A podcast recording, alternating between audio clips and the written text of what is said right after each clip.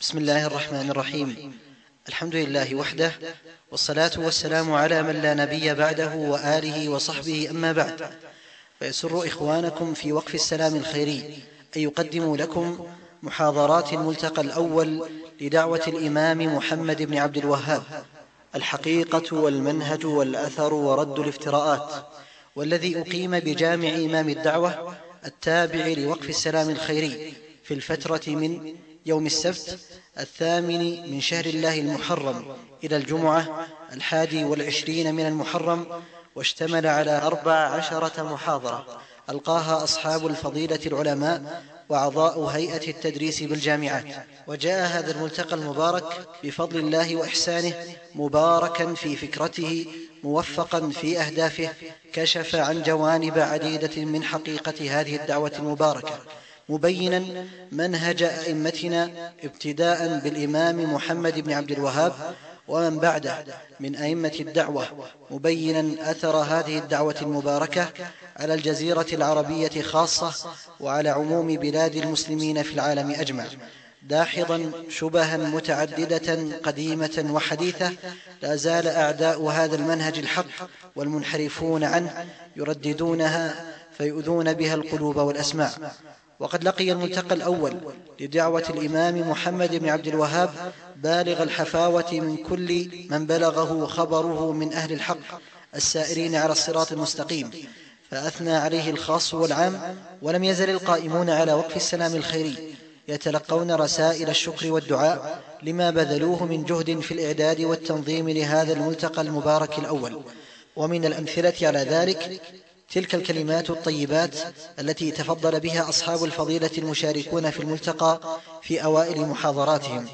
وننقل للمستمع الكريم شيئا منها. فقد قال سماحة الشيخ عبد العزيز بن عبد الله آل الشيخ المفتي العام للمملكة ورئيس هيئة كبار العلماء واللجنة الدائمة للإفتاء في أول محاضرته القيمة. فنشكر الله جل وعلا أن هيأ لهذا الوقف وقف السلام رجالا سعوا جهدهم في إيجاد هذا الوقف وفي بناء هذا المسجد قبل كل شيء ثم وجود هذا الوقف النافع. فهذا المسجد الذي أقيم على هذا المستوى وسعى في القيام فيه رجال أحسبهم ولا أزكي على الله أحدا ذو إخلاص وحرص على الخير حسب ما علمنا وتعاملنا معهم فلقد قاموا مشكورين ببناء هذا المسجد والسعي في تشييده والسهر في ذلك حتى خرج, خرج هذا المسجد بهذا المستوى الجيد من غير إسراف ومجاوزة ولكنه شيد على طريقة متواضعة نافعة جمعت بين بناء المسجد وهذا الوقف العظيم ونسأل الله للقائمين عليه والساعين في ذلك المثوبة من رب العالمين. وليبشروا بالخير فإن الله جل وعلا يثيب العبد على كل عمل صالح يعمله إذا أخلص نيته لله فالساعي في الخير بنفسه بماله بقلمه كل أولئك شركاء في الأجر وفضل الله واسع ومن بنى لله مسجدا بنى الله له مثله في الجنة. وإني لأرجو للساعين والقائمين على هذا المثوبة من رب العالمين وأن لا يحرمهم الأجر والثواب وأن يجزي من بذل خيرا خيرا إنه على كل شيء قدير. وقال معالي الشيخ صالح بن عبد العزيز آل الشيخ وزير الشؤون الإسلامية والأوقاف والدعوة والإرشاد. ثم إن هذه المحاضرات التي تقام في هذا الجامع لا شك أنها تستحق ممن أعد لها ورتب لها وصبر على ذلك الشكر والتقدير منا جميعا. وذلك أن الشبه والطعن في هذه الدعوة التجديدية السلفية الإصلاحية التي قامت في هذه البلاد في القرن الثاني عشر كثر الطعن وكثر اللمز فيها بما ليس عند أصحابه من العلم ما يمكنهم من ذلك ولا من الأنات والتبصر ما يجعلهم بريء الذمة فيما يذكرون ويتحدثون به. وليس هذا بغريب فما أشبه الليلة بالبارحة فأول ما قامت الدعوة كثر الطعن فيها من قبل خصومها فيما حول هذه البلاد وفيما بعد. واليوم كذلك يتكرر الأمر فالطعن فيها عالمي كما أن الطعن فيها يكون أحيانا محلي. فجاءت هذه المحاضرات والندوات في هذه السلسلة المباركة للقيام بواجب الإيضاح والبيان عن هذه الدعوة السلفية الإصلاحية المحمدية التي قام فيها علماؤها باتباع السنة فيما يقولون وما يتركون في أمر الدعوة. ولم يأتوا في مسألة إلا ولهم فيها دليل. على ذلك ولم يقولوا بقول لا في أصول الدين ولا في فروعه إلا ولهم عليها في ذلك الدليل. ولذلك كان من الواجب أن ينبري من يدافع عن هذه قياما بالواجب ووفاء لهؤلاء الأئمة الذين نصروا دين الله جل وعلا وجاهدوا في الله حق جهاده. وقد قام بهذا الواجب من رتبوا لهذه المحاضرات والندوات فأسأل الله جل وعلا أن يجزيهم خيرا وأن يجمعنا وإياهم جميعا مع أئمة هذه الدعوة وعلماء الإسلام والصالحين مع السلف السابقين في جنات عدن. إنه سبحانه جواد كريم وهو ولي الإحسان والفضل. اللهم آمين. وقال صاحب الفضيلة الشيخ عبد المحسن بن حمد العباد مدير الجامعة الإسلامية سابقا فإني في البداية أشكر المسؤولين عن وقف السلام الخيري هذا الاهتمام والعناية بإيجاد أو تهيئة هذا الملتقى الذي نظمت فيه محاضرات عديدة عن شيخ الإسلام محمد بن عبد الوهاب رحمة الله عليه وكان ذلك أيضا في هذا المسجد المسمى باسمه وهو مسجد إمام الدعوة فجزاهم الله خيرا على هذا الجهد وعلى هذا العمل الطيب الذي فيه إبراز بعض الجوانب لهذا الإمام المجاهد العلامة. وهذه الكلمات المباركة من أصحاب الفضيلة العلماء تدل على أهمية الملتقى وما تضمنه من البيان عن دعوة الإمام محمد بن عبد الوهاب رحمه الله. وإننا في وقف السلام الخيري. إذ نحمد الله على توفيقه نشكر كل من ساهم في هذا الملتقى المبارك وأعان على إتمامه ونخص أصحاب الفضيلة العلماء وأساتذة الجامعات الذين شرفونا بقبول الدعوة للمشاركة. فجزى الله الجميع خيرا. ونسأله سبحانه أن ينفع بهذه المحاضرات عموم المسلمين ويردهم إلى الصراط المستقيم ردا جميلا. إنه ولي ذلك والقادر عليه. وصلى الله على نبينا محمد وعلى آله وصحبه. والآن نقدم لكم الكلمة الافتتاحية لوقف السلام الخيري والتي ألقاها فضيلة المشرف العام على الوقف الدكتور خالد بن محمد باسمح بسم الله الرحمن الرحيم. الحمد لله والصلاة والسلام على رسول الله وعلى آله وصحبه ومن اتبعه بإحسان إلى يوم الدين.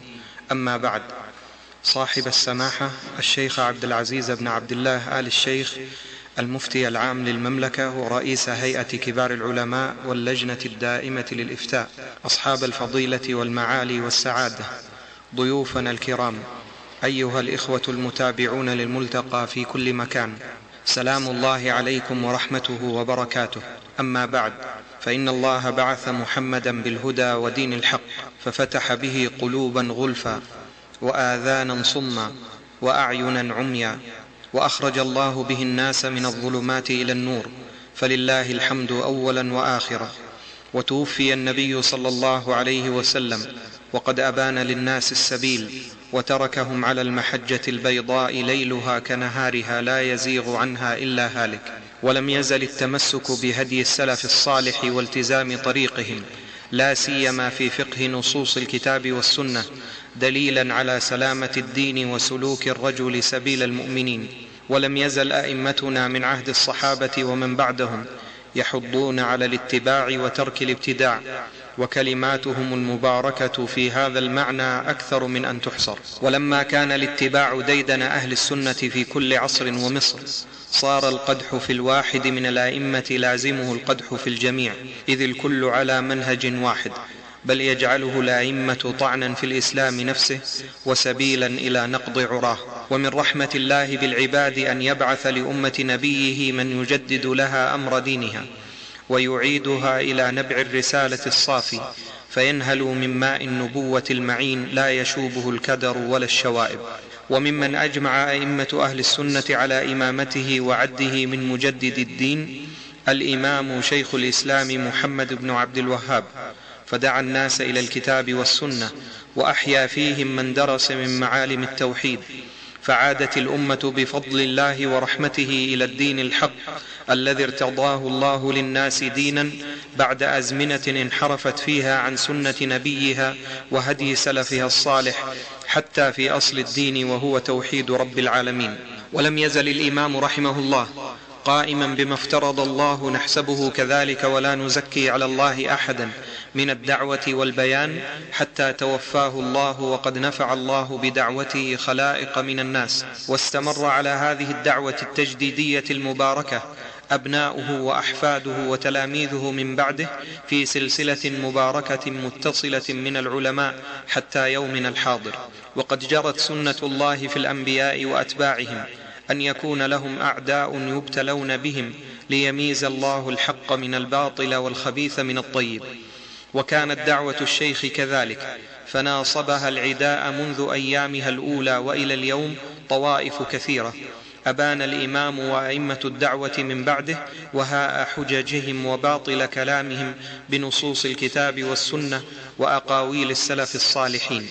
ومع بطلان الشبه المثارة وظهور وهائها إلا أنه نبتت نابتة سوء من ذوي الأفكار المنحرفة في بلادنا.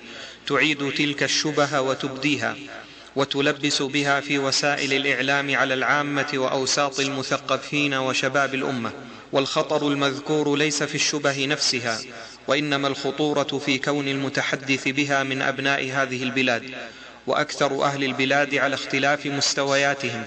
ليس لهم كبير اطلاع بل ولا كبير عناية برسائل أئمة الدعوة ومؤلفاتهم. ونحن في وقف السلام الخيري. نرى من الواجب علينا دعوة أهل العلم لبيان حقيقة الدعوة والدفاع عنها والرد على المفتريات الموجهة ضدها. لأن هذا الوقف المبارك أسس على منهاجها. ولذا أزمع وقف السلام الخيري بإذن الله تنظيم ملتقى عن الدعوة بعنوان الملتقى الأول لدعوة الإمام محمد بن عبد الوهاب الحقيقة والمنهج والأثر ورد الافتراءات. ويشتمل الملتقى على ثلاث عشرة محاضرة. ستقام في هذا الجامع المبارك الذي أسميناه جامع إمام الدعوة وذلك في الفترة من الثامن من شهر الله المحرم إلى الحادي والعشرين منه. ويهدف وقف السلام الخيري بإقامة الملتقى إلى ما يلي. اولا التعريف بأعلام هذه الدعوة المباركة ومؤلفاتهم. وسيرهم وآثارهم وجهودهم في نصرة الإسلام. ثانيا بيان أثر الدعوة في داخل البلاد وخارجها وكيف حققت السلامة للمجتمع من جهة دينه. فانتهت مظاهر الشرك والمحدثات والانحرافات العقدية والسلوكية. وكيف حققت الدعوة مجتمعا مترابطا متلاحما يسوده الأمن في دينه ومصالح دنياه. ثالثا بيان حقيقة الدعوة. وأنها مستمدة من الكتاب والسنة على منهج سلف الأمة من الصحابة والتابعين لهم بإحسان وبيان منهج أئمة الدعوة في العقيدة ومصادرهم في التلقي والاستدلال ومنهجهم في الفقه وموقفهم من المذاهب الأربعة وأئمة الدين ومنهجهم في الدعوة إلى الله ورد الشبه المثارة على الدعوة وأئمتها في أبواب أخرى من مسائل الاعتقاد. رابعا التعريف بمنهج أئمة الدعوة وأنه مطابق لمنهج السلف الصالح في وسطيته فلا غلو ولا جفاء. خامسا كشف حقيقة من أراد توظيف دعوة الإمام محمد بن عبد الوهاب لانحرافاته وتوجهاته المنافية لنصوص الكتاب والسنة ومنهج السلف الصالح وبيان الرد عليه وبيان أن الدعوة لا تحمل جريرة هؤلاء إذ فهموا كلام أئمة الدعوة فهما باطلا. واحتجوا بنصوصهم في غير محلها فالبلاء من سوء أفهامهم. ووقف السلام الخيري سيمضي قدما بإذن الله نحو إبراز منهج أهل السنة والجماعة والدعوة إليه بجميع الوسائل المشروعة والآليات المباحة بيد أنه لا يستغني عن دعم إخوانه معنويا وماديا لتحقيق هذا الهدف الذي يتطلع إليه كل مسلم اتخذ النبي صلى الله عليه وسلم قدوة وسنته شرعة ومنهاجا. وفي الختام نكرر الشكر لسماحة الشيخ وأصحاب الفضيلة العلماء وأساتذة الجامعات الذين لبوا نداءنا لنقف جميعا في وجه نذر السوء التي يبثها المنحرفون في وسائل الإعلام. وليعلم القاصي والداني أن علماء هذه البلاد وإن تباعدت جهاتهم إلا أن منهجهم واحد هو منهج الإمام محمد بن عبد الوهاب وهو رحمه الله حلقة من سلسلة أئمة الهدى الذين نعود إلى فهمهم للكتاب والسنة. لترسو سفينة هذا المجتمع المبارك لا تضرها أمواج البدع والانحراف. فنحن بحمد الله نعيش وحدة دينية مباركة والشاذ لا حكم له. فاللهم نسألك أن تنفع بهذا الملتقى المبارك أمة محمد صلى الله عليه وسلم وتعود بشباب أمتنا إلى التمسك بهدي السلف الصالح وتقيهم شر كل ذي شر وتحمي عقائد المسلمين من كل هوى وضلالة إنك سميع مجيب وصلى الله وسلم على نبينا محمد وعلى آله وصحبه أجمعين. أخي الكريم أختي الكريمة فيسرنا أن نقدم لكم أولى محاضرات الملتقى وهي محاضرة سماحة الشيخ عبد العزيز بن عبد الله آل الشيخ المفتي العام للمملكة ورئيس هيئة كبار العلماء واللجنة الدائمة للإفتاء والتي ألقيت يوم السبت الثامن من محرم وكانت بعنوان الإمام محمد بن عبد الوهاب حياته وآثاره. بسم الله الرحمن الرحيم. الحمد لله رب العالمين الرحمن الرحيم. مالك يوم الدين إياك نعبد وإياك نستعين. وصلى الله وسلم وبارك على سيد الأولين والآخرين وإمام المتقين محمد بن عبد الله فصلوات الله وسلامه عليه أبدا دائما إلى يوم الدين وعلى آله وصحابته أجمعين. وعلى التابعين لهم بإحسان إلى يوم الدين. وبعد فنشكر الله جل وعلا أن هيأ لهذا الوقف وقف السلام رجالا سعوا جهدهم في إيجاد هذا الوقف وفي بناء هذا المسجد قبل كل شيء. ثم وجود هذا الوقف النافع. فهذا المسجد الذي أقيم على هذا المستوى وسعى في القيام فيه. رجال أحسبهم ولا أزكي على الله أحدا ذو إخلاص وحرص على الخير حسب ما علمنا وتعاملنا معهم.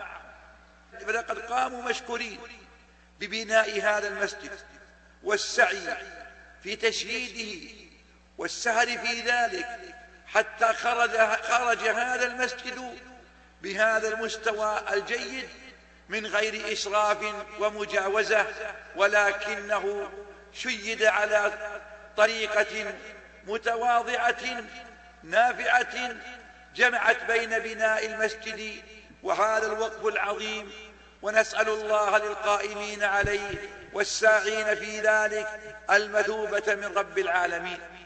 وليبشروا بالخير. فإن الله جل وعلا يثيب العبد على كل عمل صالح يعمله إذا أخلص نيته لله فالساعي في الخير بنفسه بماله بقلمه كل أولئك شركاء في الأجر وفضل الله واسع ومن بنى لله مسجدا بنى الله له مثله في الجنة وإني لأرجو للساعين والقائمين على هذا المثوبة من رب العالمين وأن لا يحرمهم الأجر والثواب وأن يجزي من بذل خيرا خيرا إنه على كل شيء قدير. إخوتي الأفاضل موضوع هذه الليلة افتتاح الملتقى الأول للتعريف بدعوة الإمام شيخ الإسلام محمد بن عبد الوهاب رحمه الله. وقبل البداءة في هذا نعلم أن الله جل وعلا فضل أمة محمد صلى الله عليه وسلم فجعلها خير الأمم وأفضل الأمم.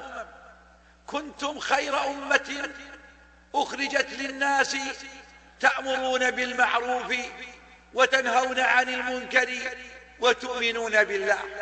فبين الله لهذه الأمة مكانتها ومنزلتها وخصوصيتها وهي أنها خير أمة أخرجت للناس. فالأمة المحمدية خير الناس للناس خير الناس للناس. إذ هي أمة لها القيادة والسيادة ولها المكانة الرفيعة دينها أكمل الأديان كتابها خير الكتب. نبيها أفضل الأنبياء والمرسلين. شريعتها أتم الشرائع وأكملها. اليوم أكملت لكم دينكم وأتممت عليكم نعمتي ورضيت لكم الإسلام دينا. أمة مرحومة وأمة لا يزال الخير فيها باقيا. وأمة هي خاتم الأمم وأمة سيظل دينها باق إلى أن يرث الله الأرض ومن عليها وهو خير الوارثين. وفي الحديث لا تزال طائفة من أمتي ظاهرين على الحق لا يضرهم من خذلهم ولا من خالفهم حتى يأتي أمر الله. أمة لا تجتمع على ضلال. أمة الخير فيها لا يزال مستمرا. كلما ضعف هيأ الله لها من أبنائها من ينهض بها ومن يعيدها إلى الطريق المستقيم. ويهديها سواء السبيل. أيها الإخوة الأفاضل بعث الله أنبياءه ورسله مبشرين ومنذرين. بعدما فشى الشرك في قوم نوح وحدث ما حدث بعث الله نوحا عليه السلام. ثم تتابعت الرسل. كل رسول يمضي يعقبه رسول بعده. ثم أرسلنا رسلنا تترى.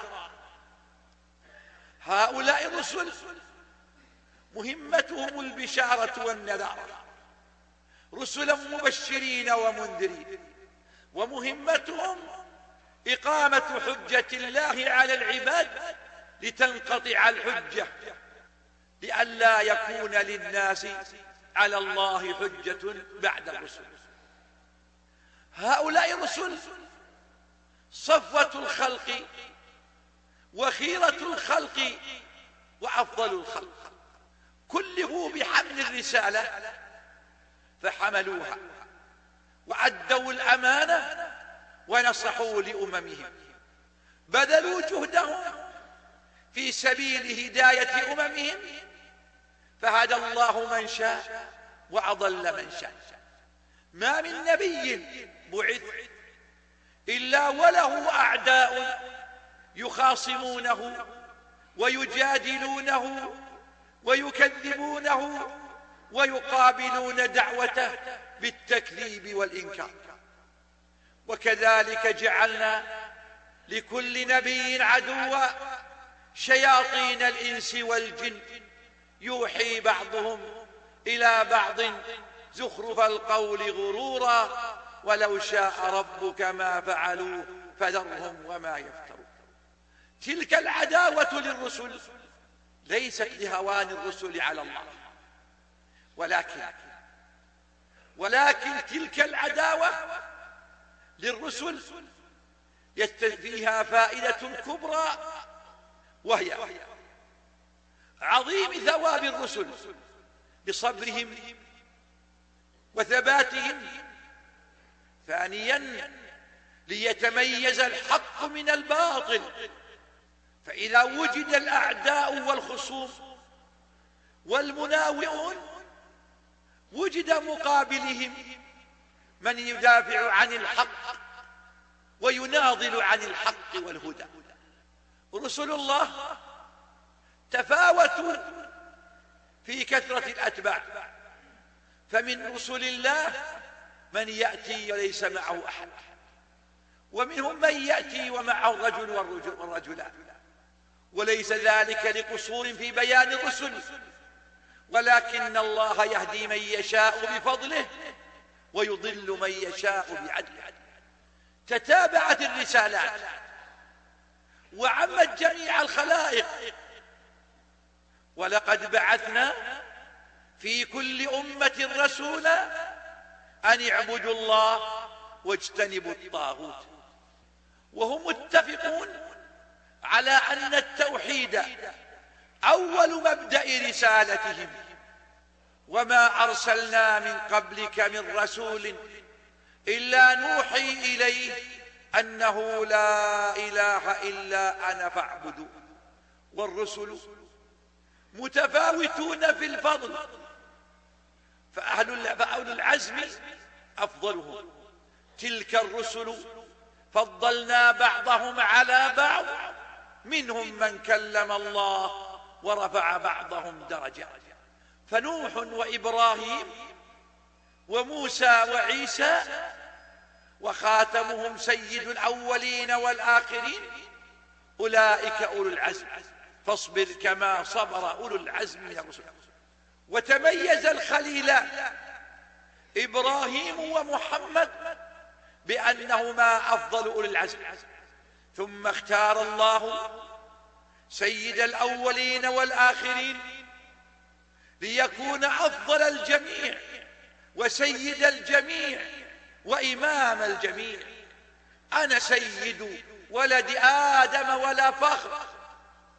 أنا سيد ولد آدم ولا فخر.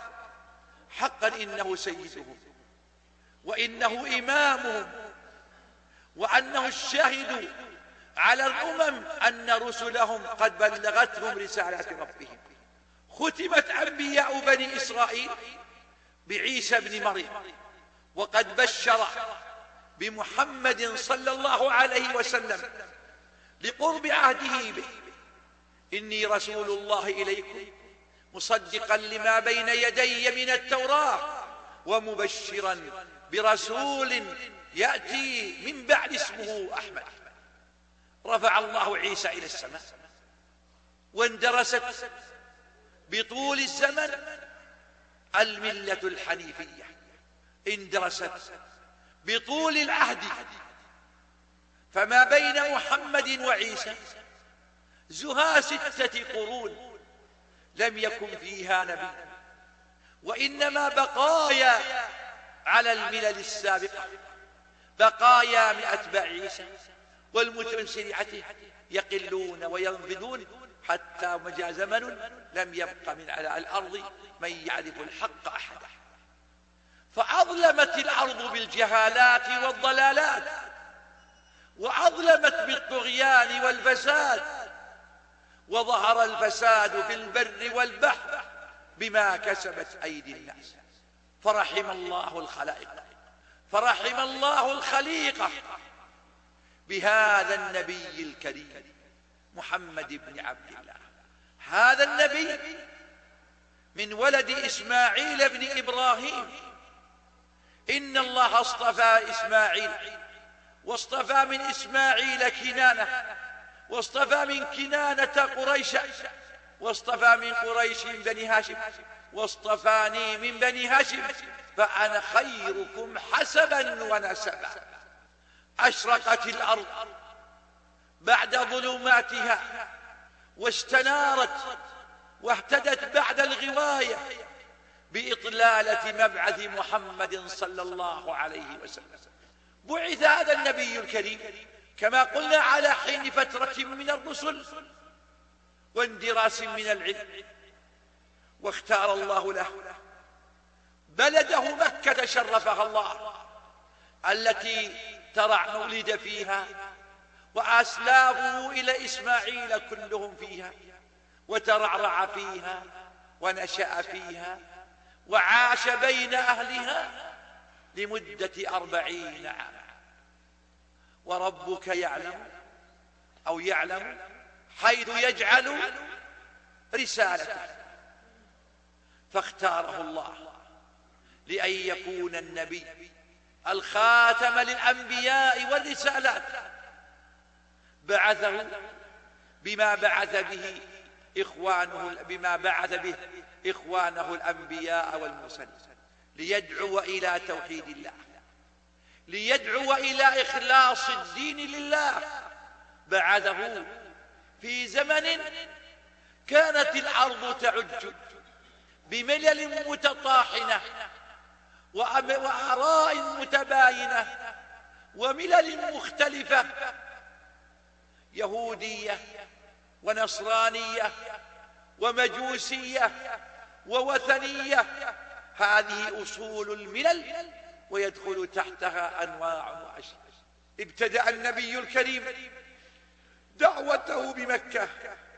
يدعو العرب عشيرته بني عمه أخوة بني عمه أقاربه رحمه. يدعوهم إلى لا إله إلا الله. ليقولوها ويعملوا بمقتضاها وينصروها ويؤيدوها ويحملوا لواءها. فلما ابتدأت الدعوة قوبل بالتكذيب والإنكار. وعورضت دعوته وأوذي أتباعه وجرى ما جرى. وهو صابر محتسب يدعو إلى الله سرا وجهارا وليلا ونهارا. يعرض نفسه على أندية العرب وملتقياتهم وفي مواسمهم يدعوهم إلى الله ويتلو عليهم القرآن. فمن مستجيب وهو قليل ومن صاد ومن متوقف ومن ومن. ولكن تواصل الدعوة وهاجر إلى المدينة وفرضت الفرائض وأوجبت الواجبات ودخل الناس في دين الله أفواجا فما توفي صلى الله عليه وسلم. إلا وجزيرة العرب قد انقادت لدعوته واستجابت لطريقته ودخلوا في دين الله أفواجا فأقر الله عينه وشرح صدره فصلوات الله وسلامه عليه. توفي صلى الله عليه وسلم وقد ترك أمته على المحجة البيضاء والطريقة الواضحة الجلية. ليلها كنهارها. انحرف من انحرف من العرب وارتد من ارتد من العرب. وكاد الإسلام أن يذهب وكاد دولة الإسلام أن تقيض وكاد وكاد.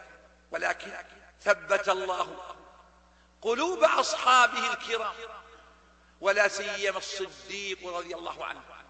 فظهر من قوة إيمانه ويقينه وقوة غيرته على دين الله ما تحققت به معجزة النبي حيث أشار بخلافته وأومأ أو نص على خلافته.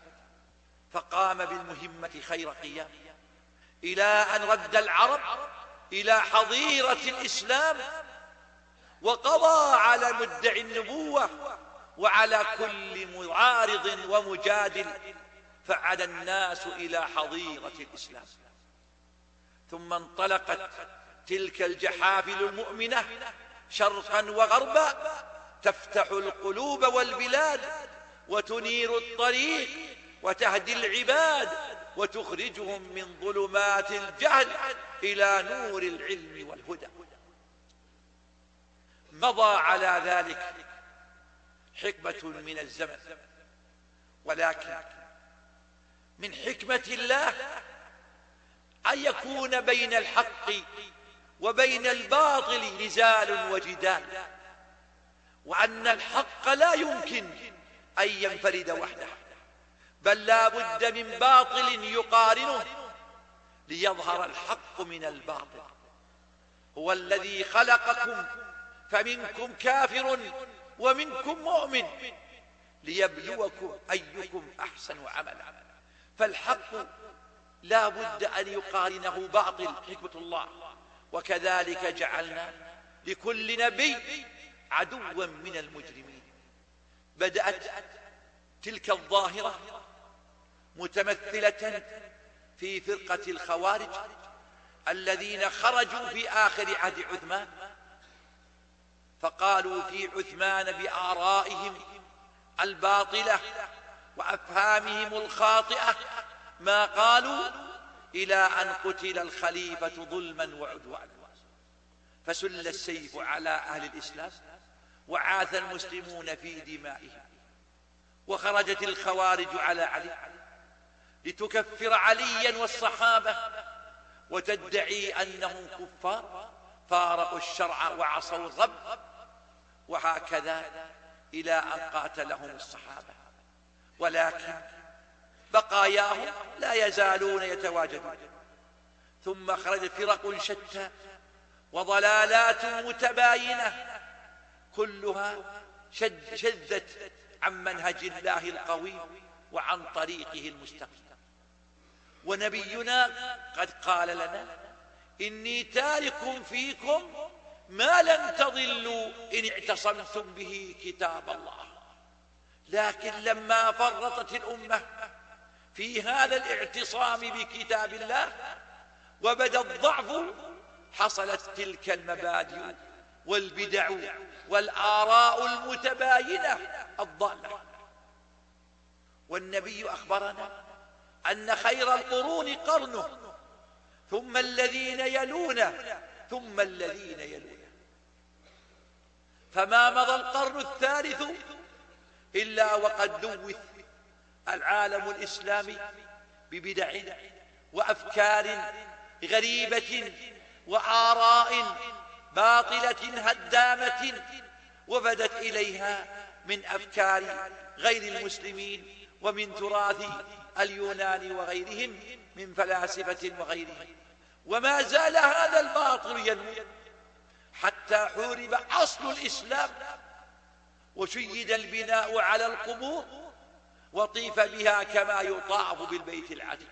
وحصل على الإسلام من النكسات والآلام ما الله به عليم. وتتابعت الفتن والمحن على هذه الأمة ولكن مع كثرة الفتن والمحن فالشرع لا يزال قائما لأن الله ضمن لهذا الدين البقاء والقرآن لا يزال محفوظا والسنة لا تزال محفوظة إنا نحن نزلنا الذكر وإنا له لحافظون. وفي كل قرن يهيئ الله لهذه الأمة من يجدد لها معالم دينها ومن يردها إلى الصواب ومن يهديها إلى الطريق المستقيم. فما موقف أئمة الإسلام وعلماء الصحابة ثم التابعون وتابعيهم وما موقف الإمام أحمد والشافعي ومالك وأبي حنيفة والبخاري ومسلم وابن خزيمة وغيرهم من أئمة الإسلام وما مواقف من جاء بعدهم ومن سار على نهجهم من علماء الأمة في شرق الأرض وغربها يناضلون عن هذه الشريعة ويدافعون عنها ويوضحون الحجة ويدحضون بالحق الباطل بل نقذف بالحق على الباطل فيدمغه فإذا هو زاهد. وجاءت الحرب التتار وكم قتل من المسلمين من قتل ودمر من مساجدهم وأتلف من تراثهم ما أتلف. ومع هذا فقد عادت الأمة بعد جراحها قوية شديدة وجاءت الحروب الصليبية. إلى غير ذلك مما توالت على الأمة من محن وفتن ومع هذا كله فشرع الله لا يزال عزيزا باقيا. مهما حاول الأعداء القضاء عليه يريدون أن يطفئوا نور الله بأفواههم ويأبى الله إلا أن يتم نوره ولو كره الكافر فشت البدع في الأمة بدع الشرك وتعظيم القبور والطواف بها والذبح لأهلها والاستغاثة بهم والالتجاء إليهم. وضعف التمسك بالدين وعادت بعض دول الإسلام إلى مشابهة الجاهلية في عدم وجود الحق وعدم من يقوم لهذا الدين بالدعوة والتوحيد. أما جزيرة العرب ما عدا الحرمين وخاصة نجد فقد عادت في القرون المتأخرة في جهالة وبعد عن الخير فليس فيها مطامع لأحد صحراء قاحلة لا يأتيها إلا فرد أفذاذ من الناس هاربين ولاجئين إليها عندما تضيق بهم الأمور في بلادها كانت نجد في غاية من التفرق والقلة والضعف منذ حرب اليمامة في عهد الصديق ونجد أخبارها طويت أو ضعفت وقلت. وفي مطلع القرن الحادي عشر وفق الله بفضله. رجلا من أبناء هذا البلد. هداه الله للطريق المستقيم. ومن عليه بفهم كتاب الله وفهم سنة محمد صلى الله عليه وسلم وفهم ما عليه سلف هذه الأمة من الصحابة والتابعين وتابعيهم بإحسان وخيار هذه الأمة.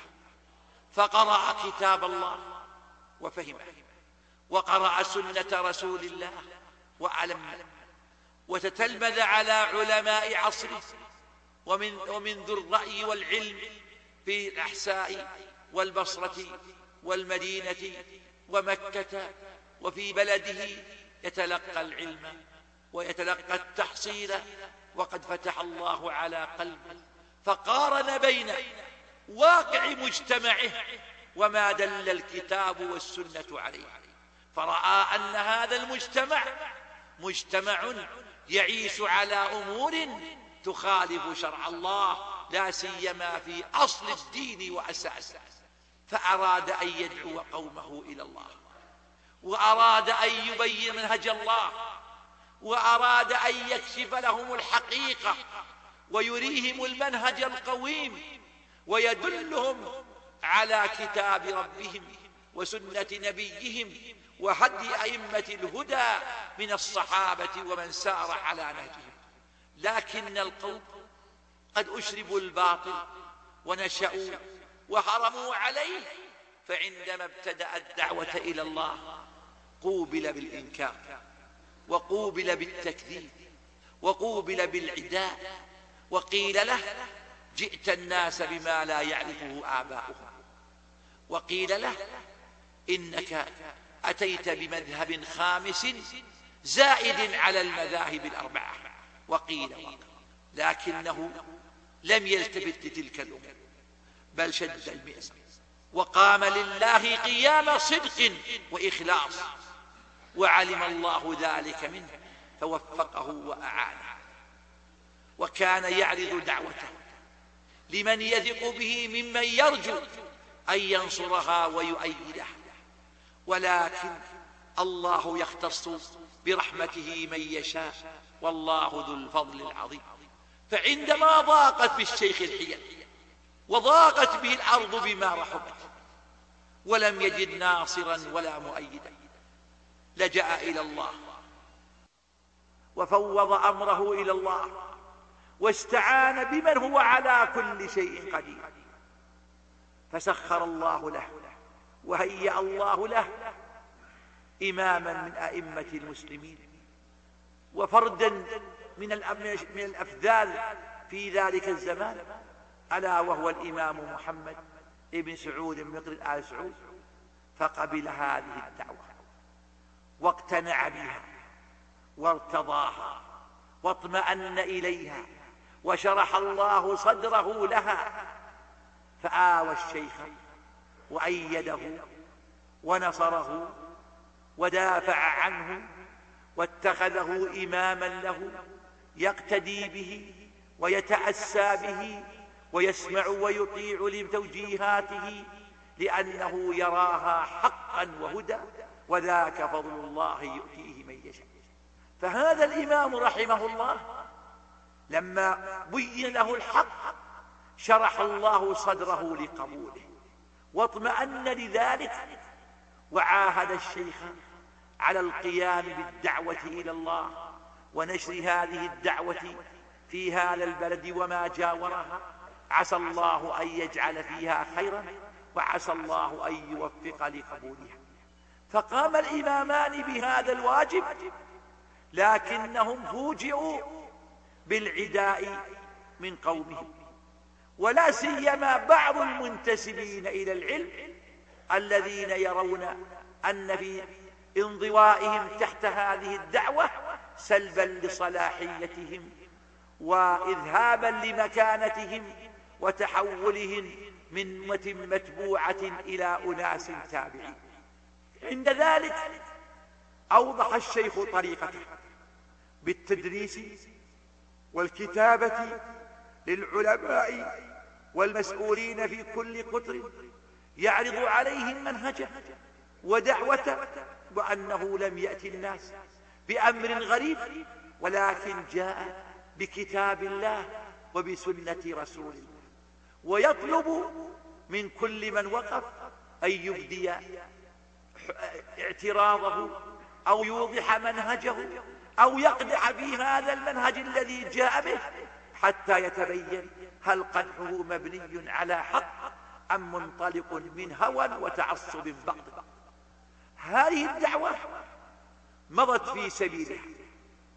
محمد بن سعود ومحمد وهاب جاهدا في الله وسارا يدعوان كلا من حولهم إلى الانضواء تحت هذه الدعوة وسماع الحق والعمل به وقبوله والإطمئنان إليه.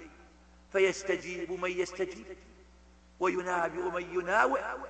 ولكن بطول الزمن ولله الحمد وصبر أولئك مكن الله لهذه الدعوة فوضح أمرها واستبان للناس منهجها واستفاد منها من في هذا البلد ومن في غيرها من عالم الإسلامي. وعرفوا أنها دعوة صالحة ومنهج إسلامي كتاب وسنة وما أجمع عليه سلف هذه الأمة. أيها الإخوة لكل داع إلى الله عدو. حتى يكون هذا العدو سببا في انتشار هذا الحق ووضوح هذا السبيل. وأعداء الشيخ قالوا عنه ما قالوا وافتروا عليه من الأباطيل ما افتروا. ولكن ولله الحمد. ذهبت تلك الأباطيل ووضح الحق واستبان الهدى. وقل جاء الحق وزهق الباطل إن الباطل كان زهوقا. كانت نجد والجزيرة متفرقة في ولايتها فجمعهم الله على إمام واحد. وكان الفقر سائدا فأغناهم الله. وكان الجهل متمكنا فعلمهم الله. وكانت العصبية رافعة لواءها فأزالها الله بهذه الدعوة الصالحة التي جمعت القلوب على الخير والهدى والعلم النافع والاتحاد على الكتاب والسنة والأخوة الإيمانية الصادقة القائمة على هذا المنهج العظيم. دعوة أصلحت القلوب والبلاد ودعوة جلبت الخير والرغد ودعوة بصرت من العمى وهدت من الجهل إذ هي دعوة سارت في منهجها على منهج محمد بن عبد الله صلى الله عليه وسلم. لم تكن هذه الدعوة من تلقاء الشيخ من فكره ورأيه ولا من كتاب قلده ولكنها دعوة من كتاب وسنة. وهو لا يدعي نفس عصمة ولا كمال ولكن يدعو من خالفه إلى أن يقول فيما قال أي كلمة. ولهذا يخاطب بعض من يناوئونه قائلا وإني أشهد الله وملائكته ومن حضرني من عباده المؤمنين أنكم لو قلتم في شيء مما قلته أنه مخالف للكتاب والسنة لكنت أول الناس رجوعا عنه. ولكني ولله الحمد على طريق مستقيم ملة إبراهيم حنيفا وما أنا من المشركين. لقد تنوع تنوع خصومه في عيبه وفي ذمه وفي القدح في دعوته بأمور عظيمة وشبه باطلة. قالوا وسنأتي إن شاء الله إلى بيانها أما هذه الدعوة الصالحة فقد قامت على أمور. أولا على توضيح الدين للأمة وهداية الناس إلى طريق الله المستقيم. كانوا يعبدون الأشجار والأحجار ويطوفون بالقبور ويتحكم فيهم الكهان والمشعوذون والسعاة والطغاة. فأبدل الله ذلك بدين الإسلام بوضوح الشريعة فاعتنقوها عن إيمان وقناعة. كان الشرك ظاهرا والتوحيد خفيا إلا عند نزر من الناس فجاءت هذه الدعوة لترفع لواء التوحيد لا إله إلا الله لتوضيحها وبيانها وبيان شروطها وأركانها حتى يكون تكون العبادة لله خالصة. كان الناس يخضعون للأعراف الجاهلية للأعراف الجاهلية والقوانين الظالمة. فجاءت هذه الدعوة لتقول للناس مرجعكم فيما تنازعتم فيه كتاب الله وسنة رسوله وإن تنازعتم في شيء فردوه إلى الله والرسول إن كنتم تؤمنون بالله واليوم الآخر ذلك خير وأحسن تأويلا. خالفتمونا في أنكم قلتم الأولياء يعظمون ويطلب الشفاعة منهم وإلى غير ذلك. ونحن نقول أولياء الله حقا هم المتقون والشفاعة ملك لله لا تطلب من غيره وإنما تطلب منه جل وعلا من ذا الذي يشفع عنده إلا بإذنه. قل لله الشفاعة جميعا. تنازعتم في أعراف الجاهلية وأحكامها الباطلة؟ ونحن نقول ردوا التنازع إلى الكتاب والسنة ليحكم فيكم كتاب الله وسنة محمد صلى الله عليه وسلم. دعوة جاءت لتقول للناس أيها الناس اتبعوا الكتاب والسنة. ودعوا التعصب الباطل الذي حقيقته قبول الآراء بلا دليل والجمود على آراء الناس بلا حجة. فكتاب الله واضح المعاني وسنة رسول الله بينة فاعملوا بها. ودعوا التعصب للمشايخ وأرباب الطرق وسيروا على المنهج القوي. جاءت هذه الدعوة لتقول للناس الإجتهاد لم يغلق بابه وكل مسلم يجتهد في البحث عن الحق من مصادره الأساسية. وأما أن نتمسك بعادة وتقليد لا أساس لها فذاك عين الباطل. جاءت هذه الدعوة لتقول للناس انظروا ما ما دل الكتاب والسنة عليه وما أجمع عليه سلف الأمة فإن الله يقول ومن يشاقق الرسول من بعد ما تبين الهدى من بعد ما تبين له الهدى ويتبع غير سبيل المؤمنين نوله ما تولى ونصله جهنم وساءت مصيره.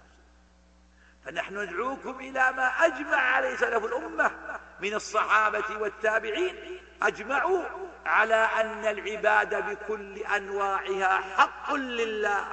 أجمعوا على أن من ذبح أو دعا غير الله فإنه بهذا قد أتى كفرا وضلالا. أجمعوا على وجوب اتباع الرسول والإيمان به وتحكيم سنته وتقديمها على كل الآراء والأقوال. أجمعوا على وجوب السمع والطاعة لولاة الأمور في المعروف. أجمعوا على أن مرجع الناس الكتاب والسنة ليس لهم مرجع سواه. جاءت هذه الدعوة لتقول لهم أيضا يا أناس دعوا تعظيم أرباب الطرق وعظموا الرسول وأتباع الرسول. عظموا رسول الله بأي شيء؟ باتباع سنته. بتحكيم شريعته بطاعة الله. قل إن كنتم تحبون الله فاتبعوني. جاءت لتهذب العقيدة وتنقيها من أدران الشرك وأنواع البدع حتى عاد هذا المجتمع في زمن شابه به أيام محمد بن عبد الله من حيث التمسك والعمل والقيام بالواجب. فالحمد لله رب العالمين. إن خصوم هذه الدعوة أرادوا تشويهها ونقلوها لغيرهم بصورة مشوهة كاذبة فمنها قالوا إن أرباب هذه الدعوة حكموا على الناس بالكفر وأن شيخ محمد بن وهاب كفر عموم الأمة وحكم عليهم بالكفر والخلود في النار. كبرت كلمة تخرج من أفواههم إن يقولون إلا إلا والشيخ قد تبرأ منها ولم يأت ليكفر الناس جاء ليدعو الناس ويهديهم السواء السبيل. ولم يقل للناس بأنهم كفار. هو لا يكفر إلا من كفر الله ورسوله ممن عرف الحق فحاد عنه كبرا وعنادا. قالوا إن ابن عبد الوهاب كفر من لم يستجب له. وزعم أن المسلمين الذين لم يخضعوا الدعوة الكفار. وقد رد هذا القول وتبرأ منه وقال سبحانك هذا بهتان عظيم. قالوا عن الشيخ أن مذهبه مذهب الخوارج. لماذا؟ قالوا لأنه يحكم على من عبد القبور وطاف بها بأنه حلال الدم والشيخ بريء من مذهب الخوارج كله. الشيخ بريء من مذهب الخوارج وبريء من كل المذاهب الضالة وهو على منهج مستقيم يدعو إلى الله على علم وبصيرة. قالوا عن الدعوة أيضا إنها مذهب خامس والشيخ يتبرر ويقول نحن على الفروع على مذهب أحمد بن حنبل إلا أن يتبين دليل يخالف ذلك المذهب. قالوا إن الشيخ ابن عبد الوهاب لا يصلي على النبي. لا يصلي على النبي.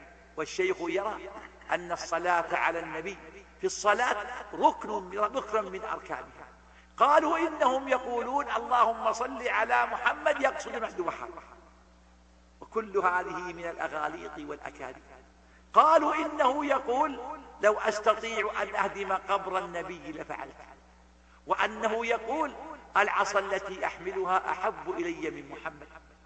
وقالوا عنه ما قالوا وأن نكفر أهل القبلة وأنه وأنه وكل هذه آراء باطلة وأكاذيب وتشويه للحقيقة لكن مع مرور الزمن استبان لكل ذي لب سليم أن هذه الدعوة دعوة صادقة خالصة وأن مناوئيها قد افتروا الكذب والله جل وعلا حكيم عليم في ذلك.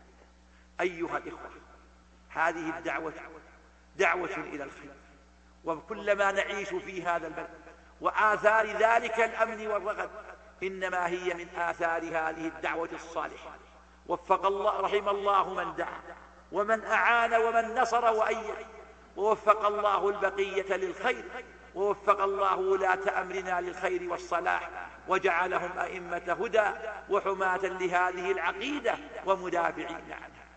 أيها الإخوة تعلمون رحمكم الله أن هذا البلد اليوم يعاني حملات ضالة شرسة قائمة على الحقد والكراهية لهذا الدين وأهله. إعلام جائر وقنوات مفسدة ضالة ووسائل إعلام منحرفة لا يهمها سوى الكذب والأباطيل وتشويه الحقيقة وتناسي الفضائل. علينا جميعا أن نتمسك بدين الله وأن نعتصم بحبل الله جميعا وأن نتآمر بالمعروف ونتناهى عن المنكر فيما بيننا وأن نحفظ شبابنا ونسعى في توفيق في جمع كلمتهم ونسعى في تحذيرهم من دعاة السوء من دعاة الفتنة من الدعاة الذين يحبون أن يضلوا هذه الأمة بعد هداها وأن يفرقوها بعد اجتماعها وأن يلقوا بينهم العداوة والبغضاء حسدا بما رأوا في هذا البلد من النعمة والفضل. نحن محسودون على ديننا الذي جمع الله به قلوبنا إذ القلوب لا تجتمع إلا على هذا الدين. نحن محسودون على أمننا الذي نعيشه والعالم في اضطراب وقلق وانقسامات سياسية وتناحرة أحزابية ونحن نعيش في هذا البلد في أمن واستقرار. محسودون على رغد العيش الذي تفضل الله به علينا. وعلى هذه القيادة التي نرجو من الله أن يأخذ بناصيتها إلى ما فيه الخير والصلاح للأمة في حاضرها ومستقبلها. يا شباب الإسلام تمسكوا بدينكم وحافظوا على إسلامكم واحذروا دعاة الضلال واحذروا دعاة الفتنة واحذروا ممن يريدون أن يلقوا في قلوبكم شرا أو يحدثوا في قلوبكم شرا أو يكرهوا إليكم بلادكم ودينكم أو يسخروكم لتنفيذ باطلهم وأغراضهم الدنيئة فاستمسكوا بهذا الدين وتمسكوا به لعلكم تفلحون. أسأل الله أن ينصر دينه ويعلي كلمته ويجمع قلوب المسلمين على طاعته ويولي عليهم خيارهم وأن يصلح ولاة أمرنا وأن يرزقهم الاستقامة على الهدى وأن يعيننا وإياهم من نزغات الشيطان وصلى الله وسلم وبارك على عبد الله ورسوله محمد وعلى آله وصحبه. شكر الله لسماحة الشيخ ما تفضل به. وجعل الله ذلك في موازين حسناته ونفع بعلمه الإسلام والمسلمين ونستأذن سماحته في إلقاء ما يتيسر ويسمح به الوقت من الأسئلة. يقول السائل ظهرت بعض المزاعم التي تزعم أن التكفير في العالم اليوم هو نتاج دعوة الشيخ محمد بن عبد الوهاب. ويزعمون أن بعض الكتب هي كتب تأصيل لمنهج التكفير ككتاب كشف الشبهات والدرر السنية. فما رد فضيلتكم على هؤلاء وبارك الله فيكم. يا إخواني دعوة الشيخ بريئة من, كثير من كل ما نسب من بعض. والتكفير في دعوة الشيخ ليس هو المنهج. المنهج دعوة إلى الخير. أما باب التكفير فذاك باب دل الكتاب والسنة عليه. الله قال إن الذين آمنوا ثم كفروا ثم آمنوا ثم كفروا ثم ازدادوا كفرا لم يكن الله ليغفر لهم ولا ليهديهم سبيلا. فالقرآن كفر من خالف الحق والهدى. فالتكفير في إنما هو بما دل الكتاب والسنة عليه.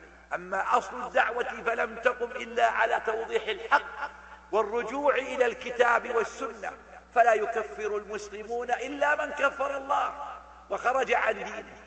أما كشف الشبهات والدر السنية أما كشف الشبهات فهو كتاب وضعه الشيخ لبيان شبه المشركين في زمانه وتنويعها وبيان الحق في دحرها فإنه رحمه الله يدايق ولهم شبهة أخرى ولهم شبهة أخرى.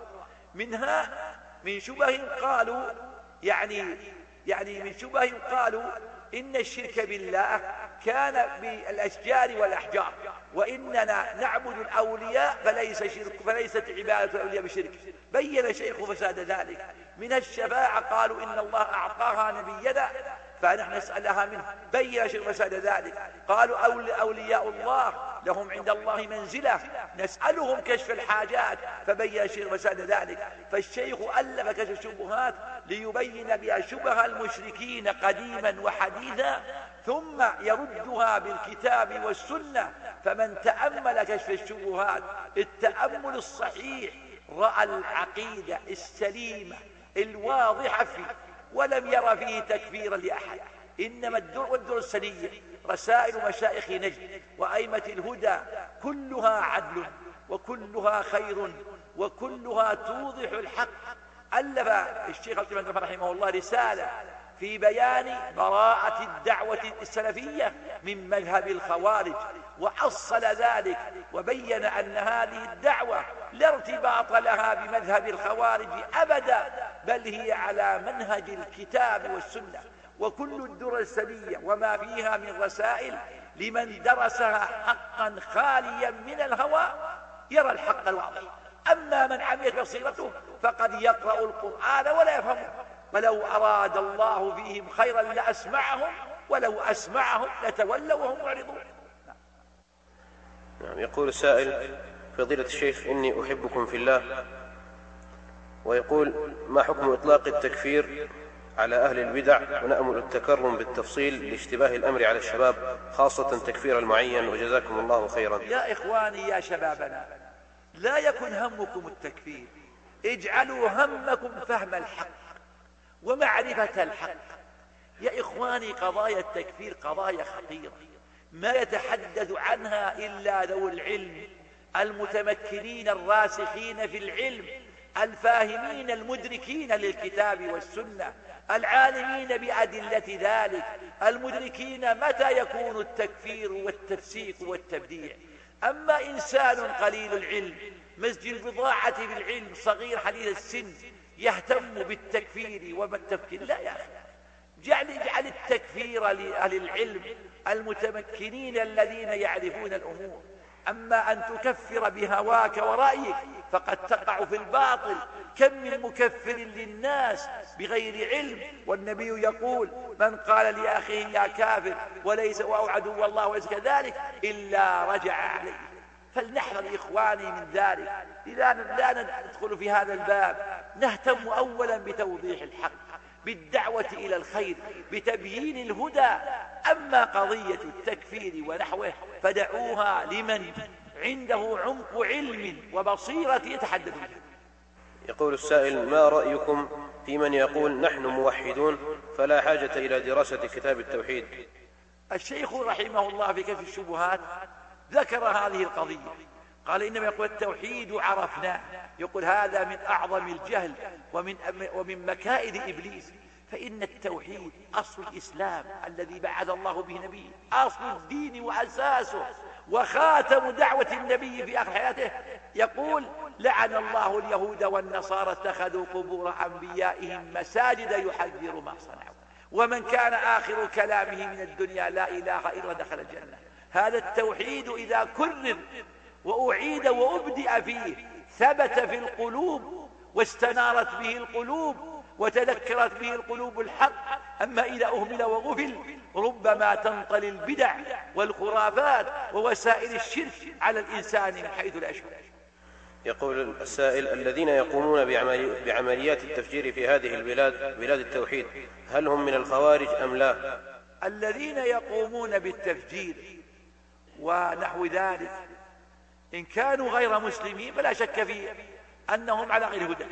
وإن كانوا منتسبين إلى الإسلام فالحقيقة أن فعلهم فعل قبيح ما أحد يشك ولا يرتاب في أن التفجيرات تدمير الممتلكات قتل الأبرياء والمعصومين لا يشك مسلم في أنه ضلال. لا يشك في أنه خطأ. ومن استباح هذا المنكر ورآه مباحا وحلالا مع علمه يوشك والعياذ بالله أن يقع في الكفر من حيث يشعر. لأن حرمة دماء المسلمين وحرمة أموالهم وأعراضهم أمر متشرع فلو, فلو قال قتل أولئك حلال وسفك دمائهم حلال وتدمير ممكنهم حلال. وهو يعرف لقيل هذا قد يؤول بالكفر لأن استباحة المعاصي استباحة الجرائم أمر خطير. لما استباح الخوارج قتل الصحابة كفرهم بعض المسلمين لأن هذا ضلال. فيا إخوان الأمر خطير. كوني أجي وأفجر ممتلك لأقتل مسلما بغير حق أو معاهدا بغير حق وأدمر ممتلك المسلمين وأقول أن هذا حلال.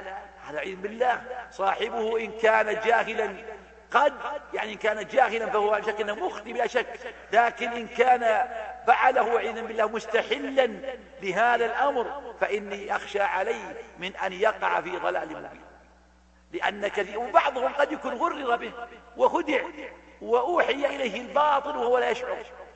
صبي صغير ما عنده إدراك وتصور لبس عليه من لبس وخدعه من خدع. أما إن أقدم عليه على أنه تدين وأنه يراه يرى حلة فإني أخشى عليه والعياذ بالله أن يلقى الله على غير هدى. لأن من استباح محرما أجمع المسلمون على تحريمه معلوم تحريمه من الدين بالضرورة. فهذا يرى بعض العلماء أن من استحل محرما معلوم تحريمه من دين الإسلام ضرورة أن هذا كفر والعياذ بالله. فليحذر المسلم من الاستخفاف بدماء المسلمين وأموالهم. أن دماءكم وأموالكم عليكم حرام كحرمة يومكم هذا في شهركم هذا في من هذا الحديث. يأتي في آخر الفتن يصبح الرجل مؤمنا ويمسي كافرا ويمسي كافر يصبح مؤمنا. يبيع دينه بعرض الدنيا. قال بعضهم يصبح محرما لدم أخيه وماله وعرضه ويمسي مستحلا لذلك والعياذ بالله. نعم. يقول السائل ما حكم من يسب الصحابة أو يسب بعضهم أو يكفر بعضهم؟ وهل الشيعة أو الرافضة مسلمون أم كفار؟ يا إخواني الصحابة خيار الأمة. خيار الأمة على الإطلاق.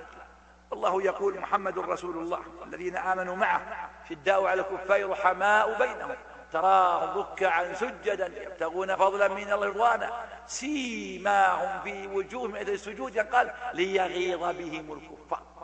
فالصحابة نحبهم ونواليهم ونعتقد فضلهم ونسأل الله لهم التجاوز وأن يجزيهم عما قدموا للإسلام والمسلمين خيرا وينبغي أن تنصح من رأيت منهم ذلك الأمر وتدعوه إلى الله لعل الله أن يهديه ويفتح على قلبه. يقول ما حكم الإبلاغ عن الإرهابيين لأن بعض المواطنين يقول أنهم على حق فلا يجوز الإبلاغ عنهم. أرجو الإجابة وفق يا إخواني من يقول هذا؟ من يقول إنهم على حق؟ من يعتقد هذا إلا إنسان غاوي؟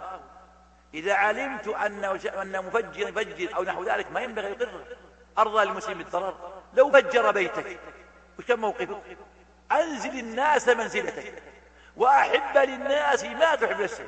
لو تعلم أن أحدا يريد أن يفجر بيتك هل ترضى بذلك؟ يا إخواني لنكن واقعيين. كيف أرضى وأتغاضى وأستتر عن يريد لو أن بيفعل بهذا الجرم في بيتك بيت ولدك لا أقمت الدنيا وأقعدتها. يا إخواني ما ينبغي لنا هذا. هذه دماء المسلمين أموال المسلمين أعراض المسلمين. ما يجوز أن, أن, أن, أن, أن نقر الإجرام ونستر على المجرمين. نحن كل منا مسؤول عن أمن هذا البلد. أمن هذا البلد في أعناق كل فرد منا كبير أو صغير. هم خاصة المسؤولية خاصة بالكبار لا. المسؤولون عليهم واجب وكل مسلم عليه واجب أن يقوم لله بهذا الواجب. يعني كيف أرضى؟ لو أنه أراد ببيتك أو بيت قريبك لقلت ما قلت هل ترضى للمسلمين؟ لا يؤمن أحدكم حتى يحب لأخيه ما يحب لنفسه يقول ما هي مراتب مناصحة أولي الأمر؟ وهل مناصحتهم على على المنابر من من منهج السلف؟ لا المناصحة اتصال بهم كتابة لهم تذكيرهم فيما بينك بينهم أما المنابر ما وضعت السباب والشتام. المنابر وضعت التوجيه والدعوة إلى الخير. الذين اتخذوا المنابر سبابا وشتاما وتجريحا خرجوا بالخطبة عن محورها ومنهجها إلى هذه الأمور الباطلة. يقول السائل هل كان من منهج, من منهج شيخ الإسلام محمد عبد الوهاب عندما كان ينكر على من يطوف في القبور أن يطوف معهم مدع أن ذلك من الحكمة؟ ما أعرف اللي ما أن من مر بهم وهم يدعون زيد بن الخطاب وهو يقول الله خير من زيد الله خير من هذا في أول دعوة قبل أن يكون له أصل. يقول بعض الناس يقول أن صيام ثلاثة أيام يوم التاسع واليوم العاشر والحادي عشر من, عاشر من, من محرم أنه بدعة أي صيام الثلاثة المتتالية لا وجاء في حديث صوموا يوما قبله ويوما بعده لكنه ضعيف. المهم أن الصوم من ارتضى أن يصوم غدا وبعد غد أو احتاط وقال أصوم الإثنين والثلاثة أو أصوم الأحد والإثنين والثلاثة الكل على خير إن شاء الله. يقول ما حكم من أخر صلاة الفجر إلى طلوع الشمس معتذرا بأن الدوام يبدأ متأخرا؟ لا ما يجوز. لا يجوز. تلك صلاة المنافق. تلك صلاة المنافق. النبي صلى الله عليه وسلم يرقب الشمس حتى إذا كانت بين قنطان نقر أربعة. لا يذكر الله إلا قليلا. يقول هل يجوز أن نصلي صلاة واحدة بنية أكثر من سنة؟ كأن يصلي, رك... يصلي ركعتين قبل الفجر بنية قيام الليل ونية سنة الفجر في آن واحد. يا أخي قيام الليل ينتهي بطلوع الفجر. فإذا صليت ركعتي الفجر وهي تحية المسجد نعم أما قيام الليل ينتهي بطلوع الفجر. يقول ما حكم تارك صلاة الصلاة تهاونا وكسلا مع العلم أنه لم يجحد وجوبها؟ نصوص القرآن والسنة عمومها وصف تارك الصلاة بالكفر. العهد الذي بيننا وبينهم الصلاة فمن تركها فقد كفر بين العبد أو قال بين العبد والكفر أو قال شركة الصلاة. فنصوص السنة في وصف تاركها بالكفر نسأل الله العافية. يقول السائل أشهد الله أني أحبكم في الله. ويقول لقد استقمت لله الحمد في في رمضان الماضي وها أنا أرتع في روضة من رياض الجنة بعد أن حرمت حرمت منها سنين عديدة. أسأل الله الثبات ثم أتمنى أن تدعو لي يا شيخ وتنصحني وتوصيني وصايا أسير عليها بإذن الله خاصة أنني أعمل مترجم ومعي الكثير من النصارى. احمد الله على الهداية واسأل الله الثبات وأكثر من الطاعة وتمسك بهذا الدين وأرجو الله أن يفتح على قلبك ويثبتنا وإياك على قلب الثابت. يقول السائل هل كان هناك دعوات إصلاحية قبل أو بعد دعوة الشيخ محمد عبد الوهاب؟ ما يخلو قطر من دعاة ما يخلو أي مكان ولا أي قطر لكن شيء يهيأ له بروز ويهيئ من وشيء لا يهيئ له. شيخ الإسلام في زمن كان من أكبر الدعاة إلى الله وأعظم المناض عن دين الله جاهد بنفسه وبدن وبيده وقام لله قيام حق لكن غفر الله له ورحمه مع علمه وإمامته. وما حصل له من التأثير على الأمة. مات سجينا مات في الحبس حبسه سلطة زمانه. ما, ما, يعني ما كفاهم أن منعوا بل حبسوه إلى أن مات في السجن. رحمه الله ورضي عنه. مات في السجن رغم العلم والفضل والجهاد لكن ما هيئ له من ينصر دعوته. فالشيخ محمد رحمه الله هيأ له هذا الإمام العظيم وأولاده وأحفادهم هيأ الله لهذه الدعوة من حماها ودافع عنها فالحمد لله رب العالمين. وإلا كل زمن في دعاة لكن أحد يعني يتبعه القليل وأحد ما يتهيأ لمن ينصر وأحد يقضى عليه. وإلا العلماء كلهم في كل القرون قائمون بهذا الواجب. الإمام أحمد رحمه الله قاوم المحنة وصبر عليها وسجن سنتين وجلد وأوذي ومع هذا كان صابرا. وغيره وغيره. ما يخلو قرن من دعاة لكن قل مقل ومستكثر هذا سائل يسأل عن جماعة التبليغ يقول هل أخرج معهم مع أني لم أرى لم ألحظ عليهم شيئا؟ والله إن خرجت تعلمهم لأنهم هداهم الله ما يهتمون بالعلم الشرعي. فإن تعلمهم وتفقههم لعل الله أن يرزقهم الإقبال على العلم والتعلم. شكر الله لسماحة الشيخ عبد العزيز بن عبد الله آل الشيخ المفتي العام للمملكة ورئيس هيئة كبار العلماء واللجنة الدائمة للإفتاء وجعل ما تفضل به في ميزان حسناته ونفع بعلمه الإسلام والمسلمين. والسلام عليكم ورحمة الله وبركاته.